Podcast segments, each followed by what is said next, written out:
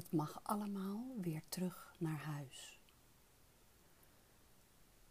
Dat gevoel van het klopt niet, ik voel me niet goed en ik weet niet wat ik moet doen om het beter te maken, dat is vaak waar het begint.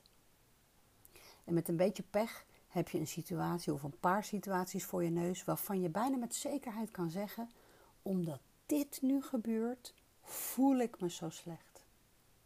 Het lijkt zo logisch. Als mijn man nu maar zou meewerken dan. Als mijn liefste zich nu maar beter zou voelen dan. Als mijn lichaam nu maar meer zou meewerken dan. Als ik nu maar meer geld zou hebben dan. Als mijn baas nu maar eens een keer normaal zou doen dan. Maar lieve schat, het houdt je gevangen. Het houdt je gevangen in alles wat je zelf niet kunt beïnvloeden. De eerste stap naar alles waar je naar verlangt, is alle stukjes van jezelf terughalen die je ergens anders hebt achtergelaten.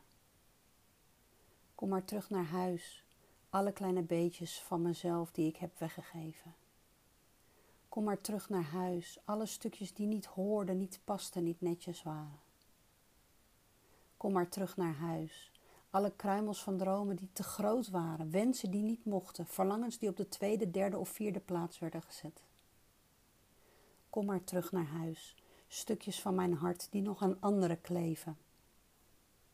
Die al lang zijn doorgegaan, maar een stukje van mij hebben meegenomen. Kom maar terug naar huis, alles wat ik in de schaduw heb gehouden, omdat het niet mooi is of lief of aangepast of attent. Het is allemaal weggelekt en weggestroomd door de kieren en gaten in mijn ziel. Het kreeg geen eigen plek omdat ik niet was wie ik werkelijk ben. Geeft niks, het geeft echt helemaal niks. Het is nooit te laat om alles terug te nemen, niet vanuit angst of tekort, maar gewoon omdat het terug naar huis mag.